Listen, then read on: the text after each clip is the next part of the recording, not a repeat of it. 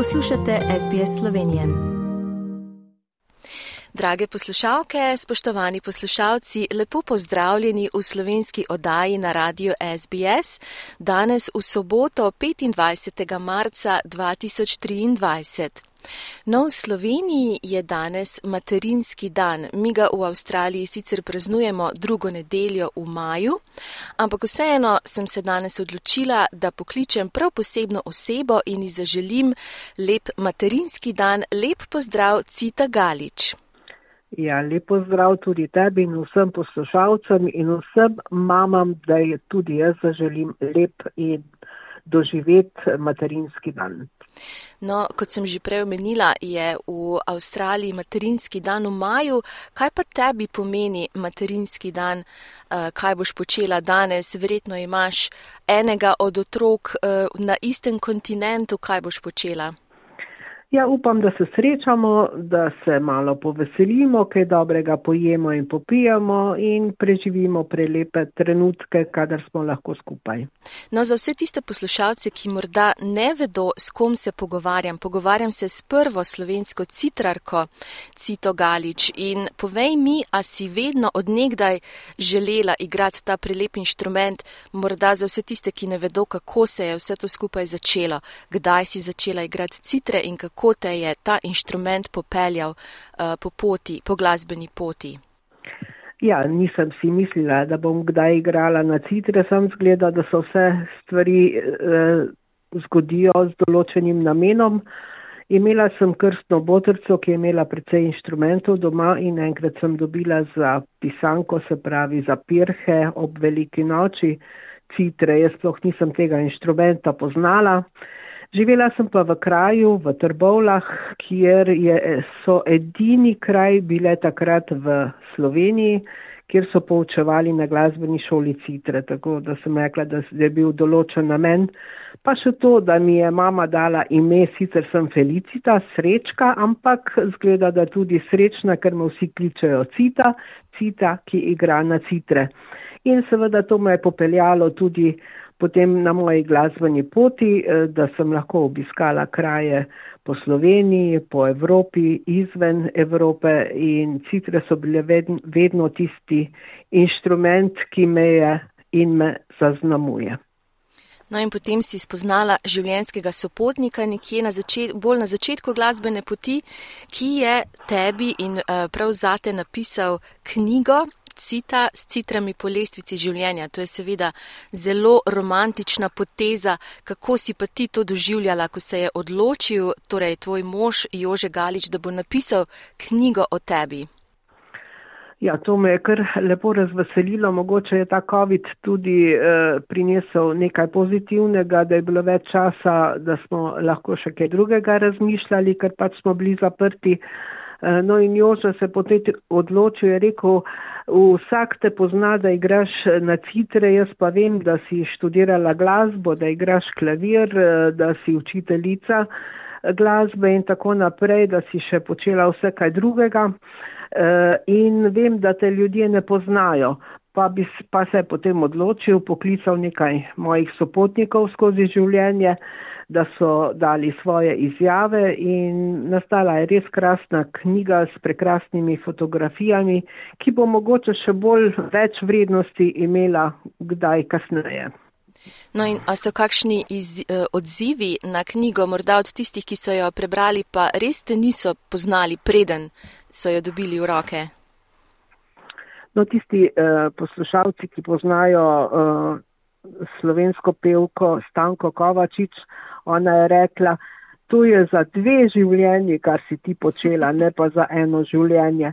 Uh, ne, res je, veliko stvari sem počela uh, zelo predano, uh, bila uh, s srcem pri citrah, pri poučevanju uh, in v glasbi nasploh, uh, tako da je res, da včasih res potem človek, ko zdaj gleda nazaj, uh, si ne moreš misliti, ali res imela toliko časa, toliko energije, da sem lahko vse to dokaj uspešno tudi naredila.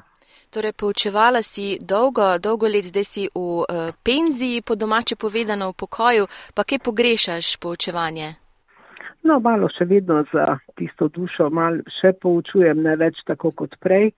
Uh, je pa res, uh, da je kar dolga, do, dolga leta poučevanja so za mano uh, in upam, da sem vsaj usejala seme ljubezni do slovenske pesmi, do slovenske glasbe, uh, tudi s citrami, da mlajši tudi na tak način ohranjajo uh, Eh, slovensko ljudsko pesem, slovensko glasbo in upam, da bo, da je tudi kakšno seme, da bo usklilo pri mojih citrarjih. In veliko krat se pogovarjam eh, z razno raznimi glasbeniki in veliko zgodb imajo o svojih učiteljih, tudi jaz imam kakšno o svojih učiteljicah, učiteljih, pa si odnegdaj vedela, da hočeš postati učiteljica, ker vemo, da je to, ne vem, meni se zdi, da je to en tak delikaten poklic, imaš um, opravka z mladimi ljudmi, jih na nek način vzgajaš. Uh, a si vedno vedela, da, da hočeš postati učiteljica?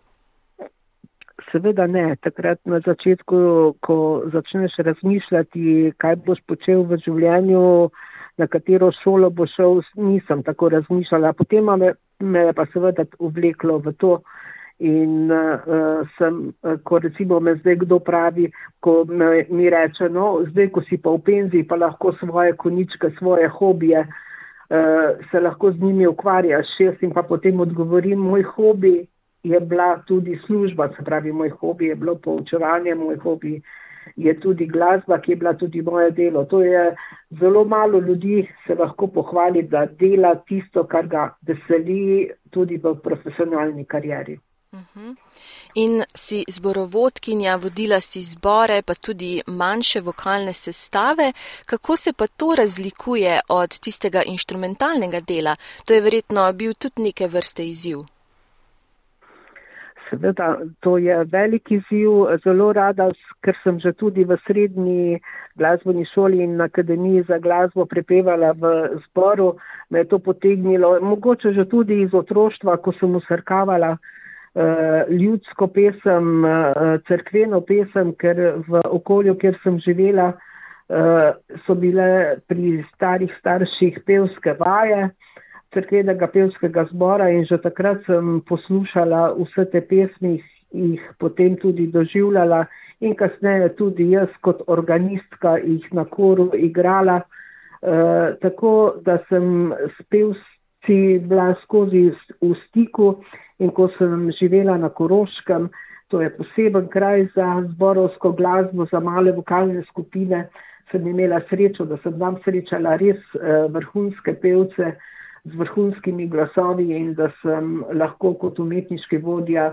z njimi naredila res nekaj lepih posnetkov, ki so ostali uh, na kasetah in takrat kasetah in CD-jih, uh, tako da sem to v tem res, res uživala. No, to seveda govoriš o vokalnem kvintetu Aida, ki ga bomo tudi slišali v nadaljevanju po najnem pogovoru. Kaj pa bi počela, če ne bi se ukvarjala z glasbo? A si kdaj razmišljala o tem, kaj bi pa jaz bila, če ne bi bila v glasbi? Nikoli. Zato sem pa rekla, da je moj, moj hobi tudi moj poklic. Uh, ne vem, kaj bi bilo, če ne bi imela glasbe. Ne mislim zdaj čisto strogo. Eh, samo to narodno zabavno, s katero sem se največ ukvarjala, ampak nasplošno z vso glasbo, lepo glasbo na vseh področjih, se pravi od klasične do zabavne, do, do džeza, do, do vsega, kar je lepega in eh, ne vem, verjetno ne vem, bi bila zelo nesrečna, če ne bi bilo glasbe. Kakšno glasbo pa v avtu poslušaš, ko se voziš? A jo sploh poslušaš? No, doma ne poslušam glasbe, ne. pri nas doma je tišina, tudi to je uh, glasba, ne. tudi tišina je glasba. Uh, v avtu seveda poslušam uh, največkrat uh, čistko zaradi prometnih informacij, radio, uh, drugače si pa zavrtim, uh, veliko krat rečem še te črno-bele posnetke oziroma uh, se pravi staro narodno zabavno glasbo iz tistih prvih eh, let, 50-ih, 60-ih let, ko se mi zdi, da je imela velik čustven naboj, eh, da je bila tudi tista najbolj pristna. Eh, poslušam pa tudi od kantrija, kot sem že prej rekla, do klasike. Vse me zanima, pa zborovske pesmi in tako naprej. Mhm. No, z ansamblom Slovenija, ki je deloval 20 let, se tudi dobivate. Sem zasledila, da ste se dobili pred kratkim na enem takem druženju, pa z družino Galič tudi še vedno delujemo. Kaj boš pa, uh, imaš mogoče kak uh, projekt ali pa kakšno željo, kaj bi ustvarjala v prihodnje? A že imaš mogoče kaj na vidiku, uh, če se bo še kaj dogajalo? Ja, imam nekaj uh, načrtov, uh, mogoče kakšen pevski zbor ali mala vokalna skupina, da bi še tukaj nekaj naredila. Uh, potem pa seveda z Jožetom, da bi kot duo ko sva že tudi zdaj precej nastopala, ker pač ni, ni včeraj in si na blizu, ne, da moramo kot družina nastopati. E, je tudi tukaj nekaj nastopov, pa zdaj, ko je Jože izdal novo knjigo e, z naslovom Dober smo ga srali, e, tudi načrtujeva nekaj predstavitev po Sloveniji. Ja, lahko bi klepetali in bova klepetali prav k malu tudi v živo še ure in ure. Jaz se ti najlepše zahvaljujem, Cita, da si se danes oglasila, da sva mal, malo pokramljali o tebi in seveda ti želim lep materinski dan, res vse, vse lepo in se vidiva k malu. Ja, hvala lepa za povabilo in še to moram dodati. Eh, da mi je uspelo vzgojiti ali pa obema z Jožetom tudi sina in hčerko, ne, ki tudi ona dva eh, nosita to pesem naprej med druge ljudi tu po Sloveniji in po svetu, eh, da je tudi kot družinsko petje tisto ta pravo, da smo lahko skupaj peli in se veselili in upam, da tudi bomo še to kmalo ponovili. Želite slišati sorodne zgodbe? Prisluhnite jim preko Apple ali Google podcasta, preko aplikacije Spotify ali kjerkoli drugje.